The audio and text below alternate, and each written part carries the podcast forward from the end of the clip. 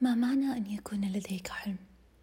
كيف يكون الشعور حين تتمسك بشيء ما وتركض نحوه بكل جوارحك؟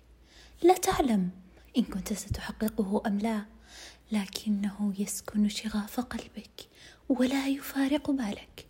قد يكون امتلاك حلم محدد في الحياة ليست رفاهية يتمتع بها الجميع، لكن محتم عليك السعي لما تحب حتى يسطع نجمك.